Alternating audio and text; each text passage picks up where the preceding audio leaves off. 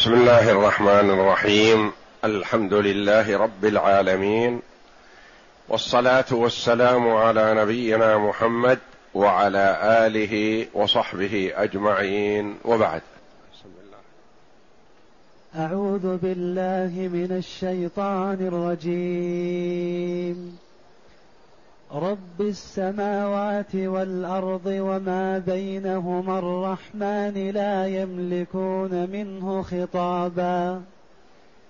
يوم يقوم الروح والملائكة صفا لا يتكلمون إلا من أذن له الرحمن وقال صوابا.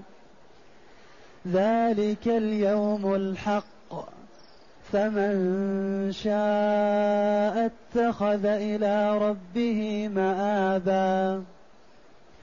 انا انذرناكم عذابا قريبا. يوم ينظر المرء ما قدمت يداه ويقول الكافر يا ليتني كنت ترابا. هذه الآيات الكريمة من سورة عما جاءت بعد قوله جل وعلا إن للمتقين مفازا حدائق وأعنابا وكواعب أترابا وكأسا دهاقا لا يسمعون فيها لغوا ولا كذابا. جزاء من ربك عطاء حسابا. رب السماوات والأرض وما بينهما الرحمن لا يملكون منه خطابا. الآيات. قوله جل وعلا رب السماوات والأرض وما بينهما الرحمن لا يملكون منه خطابا. رب بالجر ومثلها الرحمن. رب السماوات والأرض وما بينهما الرحمن لا يملكون منه خطابا. رب بالرفع.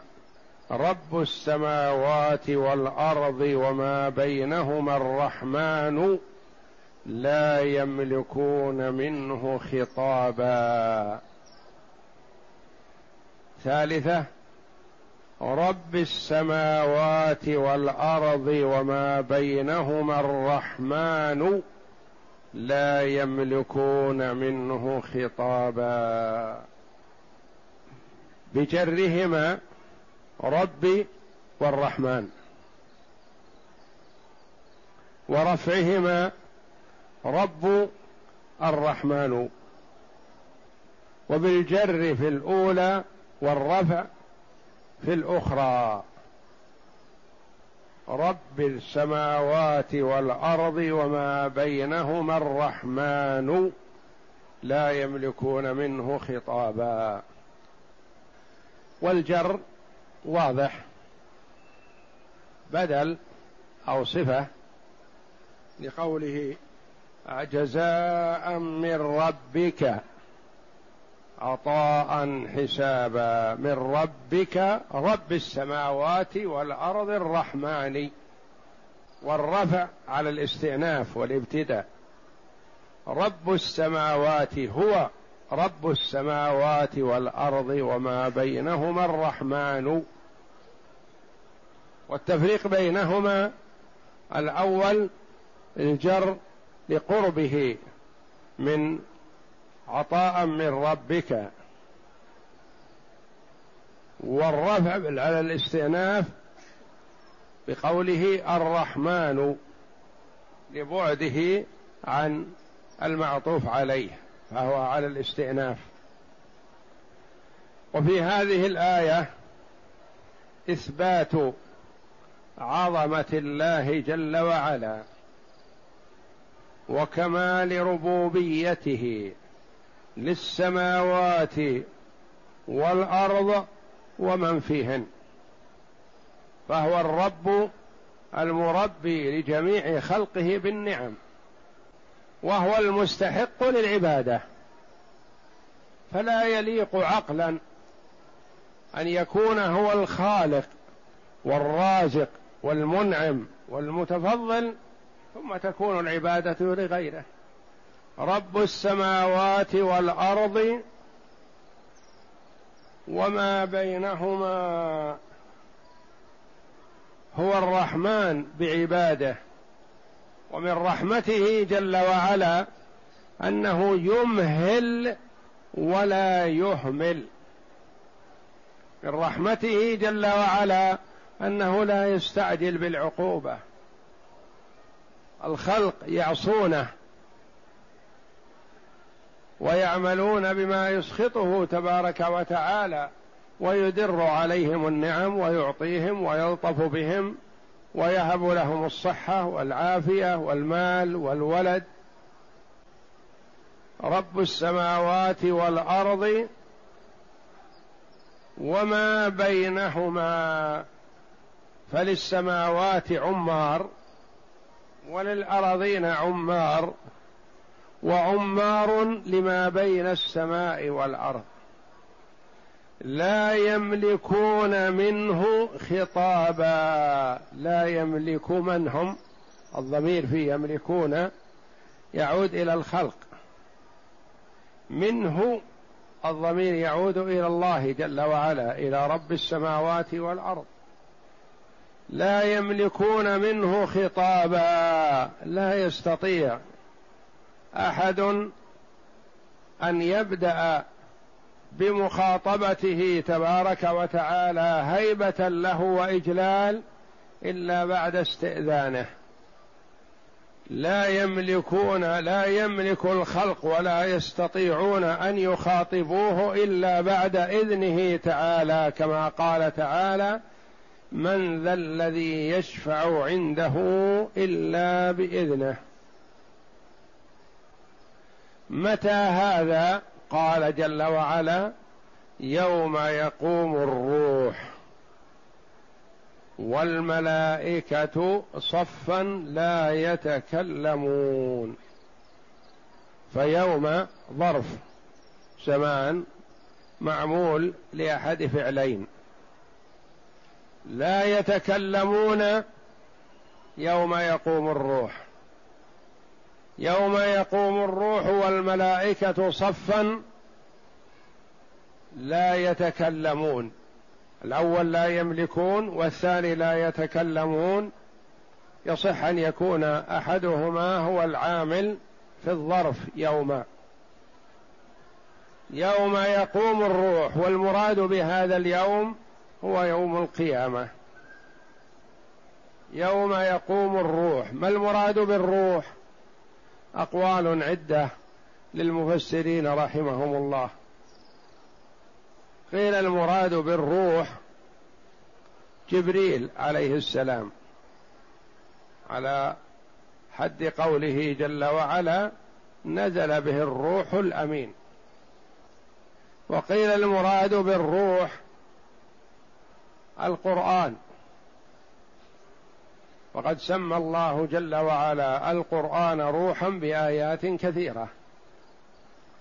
وقيل المراد بالروح ملك من الملائكة أعظم من السماوات والأرض لا يقوم له شيء وهو إذا نزل أحاط بالأرض كلها. وقيل المراد بالروح أرواح بني آدم. وقيل المراد بالروح بنو آدم بجملتهم. وقيل المراد بالروح خلق. من خلق الله يأكلون ويشربون وليسوا بملائكة ولا من بني آدم. عباد لله. والملائكة معطوف عليه. معطوف على الروح. يقوم الملائكة والروح صفا. صفا يحيطون بأهل الأرض. حتى لا يفلت أحد منهم. صفا لا يتكلمون. لا يتكلم منهم أحد إلا بإذن من الله تبارك وتعالى. وقد ورد أن الملائكة عليهم السلام يشفعون والأنبياء يشفعون والرسل يشفعون والعلماء يشفعون والشهداء يشفعون. لكن كل هؤلاء لا يتكلمون بشفاعة حتى يستأذنوا الله جل وعلا. ولا يشفعون إلا لمن ارتضى كما قال الله. وهو جل وعلا لا يرضى إلا عن أهل التوحيد. فلا يرضى عن أهل الشرك لأن الله جل وعلا أخبر أنه لا يغفر للمشرك أبدا.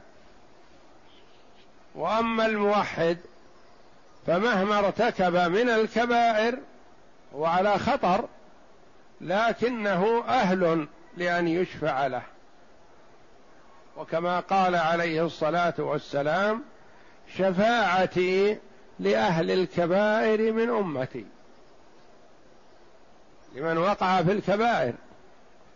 وأما الصغائر فالله جل وعلا يكفرها ويغفرها لعبده بالأعمال الصالحة. ما يحتاج المسلم إلى شفاعة في جنب ذنبه الصغير في الذنوب الصغائر لأن الله يكفرها بالوضوء. والخطى إلى المسجد والمحافظة على صلاة الجماعة والمحافظة على صلاة الجمعة والحج والعمرة وغير ذلك من الأعمال الصالحة كما قال صلى الله عليه وسلم الصلوات الخمس والجمعة إلى الجمعة ورمضان إلى رمضان كفارة لما بينهما ما اجتنبت الكبائر. فمن أصول أهل السنة والجماعة أن شفاعة نبينا محمد صلى الله عليه وسلم لأهل الكبائر من أمته والمراد بأهل الكبائر الذين ماتوا وهم مصرون عليها.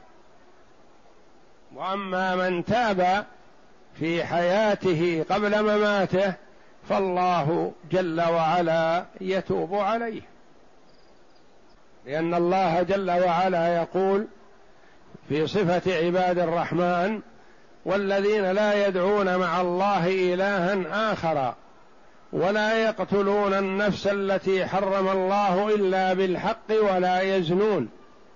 ومن يفعل ذلك يعني هذه الجرائم الثلاثة الكبار يلقى أثاما يضاعف له العذاب يوم القيامة ويخلد فيه مهانا إلا من تاب. من تاب فقد استثناه الله جل وعلا فهو مغفور له بتوبته. لا يتكلمون إلا من أذن له الرحمن في الكلام. وقيل المراد إلا من أذن له الرحمن في أن يشفع له. والأمران لا بد منهما. اولا ما أحد يشفع إلا بعد إذن الله.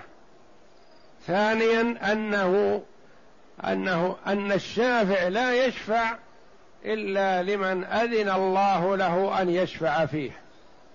لا يشفع لأي أحد مباشرة وإنما يشفع لمن أذن الله لعبده أن يشفع فيه. والشفاعة تطلب من الله جل وعلا ولا تطلب من الشافع. ما يسوغ لك أن تسأل النبي صلى الله عليه وسلم الآن الشفاعة أو تسأل الملائكة أو تسأل شهيدا أو عالما أو تقيا تقول اشفع لي. وإنما تسأل الله جل وعلا أن يشفع فيك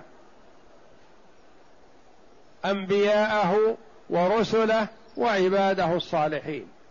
تقول مثلا اللهم شفع في أنبياءك ورسلك وعبادك الصالحين. تقول اللهم لا تحرمني شفاعة أفراطي.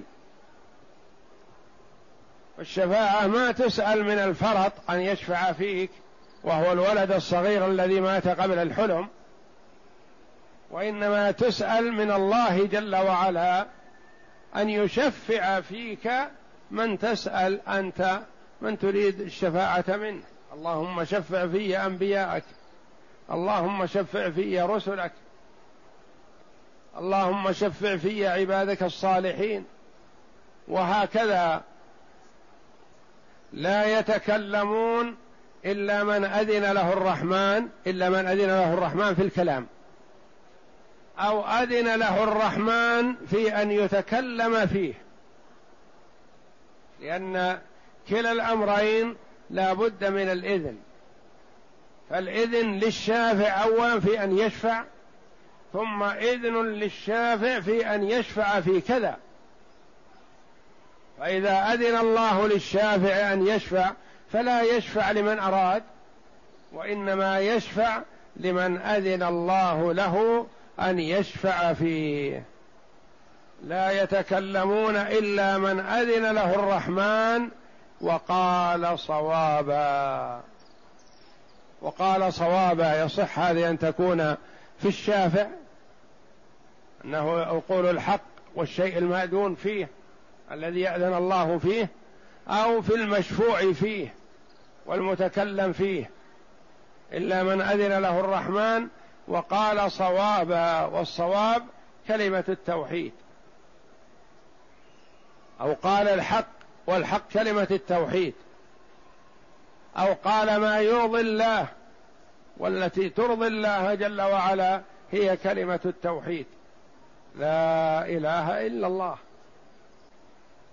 لأن من جاء بها فهو أهل لأن يشفع فيه ويشفع الله جل وعلا فيه من شاء. ومن لم يات بكلمة التوحيد لا نصيب له في الشفاعة لأن الله أخبر في كتابه أن الله لا يغفر له. إن الله لا يغفر أن يشرك به ويغفر ما دون ذلك لمن يشاء. الذنوب الأخرى مهما كثرت عددا أو عظمت فعلا فهي داخلة تحت المشيئة. سوى الشرك بالله فالله جل وعلا لا يغفره. إلا من أذن له الرحمن وقال صوابا. قال قولا حقا. قال الصواب والحق والهدى. يخبر تعالى عن عظمته وجلاله وأنه رب السماوات والأرض وما فيها وما بينهما وأنه الرحمن الذي شملت رحمته كل شيء. وقوله تعالى لا يملكون منه خطابا أي لا يقدر أحد على ابتداء مخاطبته إلا بإذنه كقوله تعالى من ذا الذي يشفع عنده إلا بإذنه؟ من ذا الذي يشفع عنده إلا بإذنه يعني لا أحد لا أحد يشفع عند الله إلا بإذن الله تبارك وتعالى. نعم. وكقوله تعالى يوم يأتي لا تكلم نفس إلا بإذنه. وقوله تعالى يوم يقوم الروح والملائكة صفا لا يتكلمون. اختلف المفسرون في المراد بالروح ها هنا ما هو؟ على أقوال. أحدها ما رواه العوفي عن ابن عباس أنهم أرواح بني آدم. الثاني هم بنو آدم قاله الحسن وقتاده. وقال قتاده هذا مما كان ابن عباس يكتمه الثالث أنهم خلق من خلق الله على صور بني آدم وليسوا بملائكة ولا ببشر وهم يأكلون ويشربون قاله ابن عباس ومجاهد. الرابع هو جبريل قاله الأعمش وسعيد بن جبير. ويستشهد لهذا القول بقوله عز وجل نزل به الروح الأمين على قلبك لتكون من المنذرين. المراد بقوله تعالى نزل به الروح الأمين جبريل على نبينا وعليه أفضل الصلاة والسلام. نعم. الخامس أنه القرآن قاله ابن زيد كقوله وكذلك أوحينا إليك روحا من أمرنا. وكذلك أوحينا إليك روحا من أمرنا. هذا القرآن. فسماه الله جل وعلا روح لأن فيه حياة القلوب. نعم. السادس أنه ملك من الملائكة بقدر جميع المخلوقات.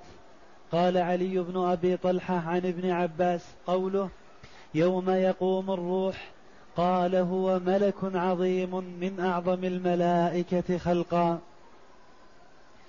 إلا من أذن له الرحمن كقوله يوم يأتي لا تكلم نفس إلا بإذنه وكما ثبت في الحديث الصحيح ولا يتكلم يومئذ إلا الرسل وقوله تعالى وقال صوابا أي حقا ومن الحق لا إله إلا الله كما قاله أبو صالح وعكرمة.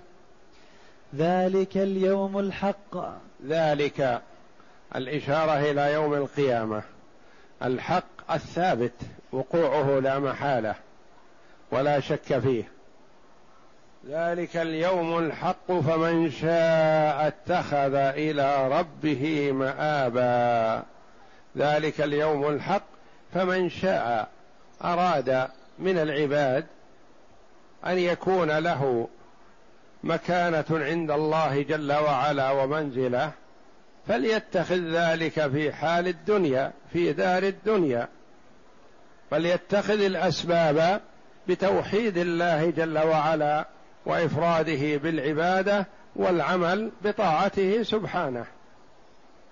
فالله جل وعلا وهب العقول للعباد عند فقد العقل لا تكليف. ما يكلف العبد إلا إذا كان عاقلا. وأرسل الرسل وأنزل الكتب لبيان الحق. فإرسال الرسل وإنزال الكتب ووهبة العقل حجة الله جل وعلا على خلقه. ودعا الله جل وعلا عباده لعبادته وحده لا شريك له. فمن شاء اتخذ إلى ربه مآبا طريقا ومأوى إلى الله جل وعلا. إن أراد ذلك فقد بينه الله جل وعلا.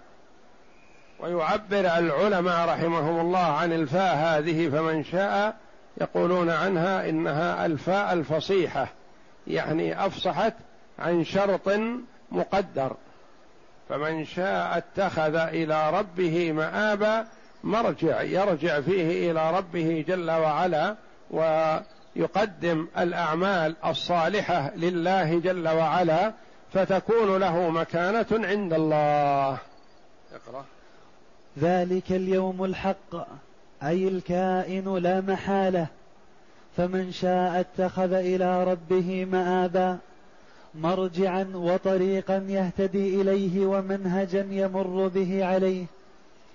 وتقدير الشرط كما قدره بعض العلماء رحمهم الله في بعض الحواشي فمن شاء اتخذ وإذا كان الأمر كما ذكر من تحقق اليوم المذكور الذي هو يوم القيامة لا محالة فمن شاء أن يتخذ مرجعا إلى ثواب ربه الذي ذكر جل ذك الذي ذكر شأنه العظيم فعل ذلك. فمن شاء فعل ذلك.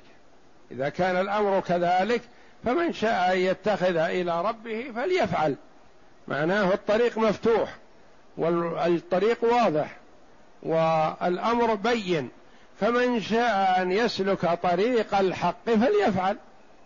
ما دام في دار المهلة. والله يقول جل وعلا فهديناه النجدين يعني بينا له طريق الخير والشر. هديناه بمعنى هنا دللناه.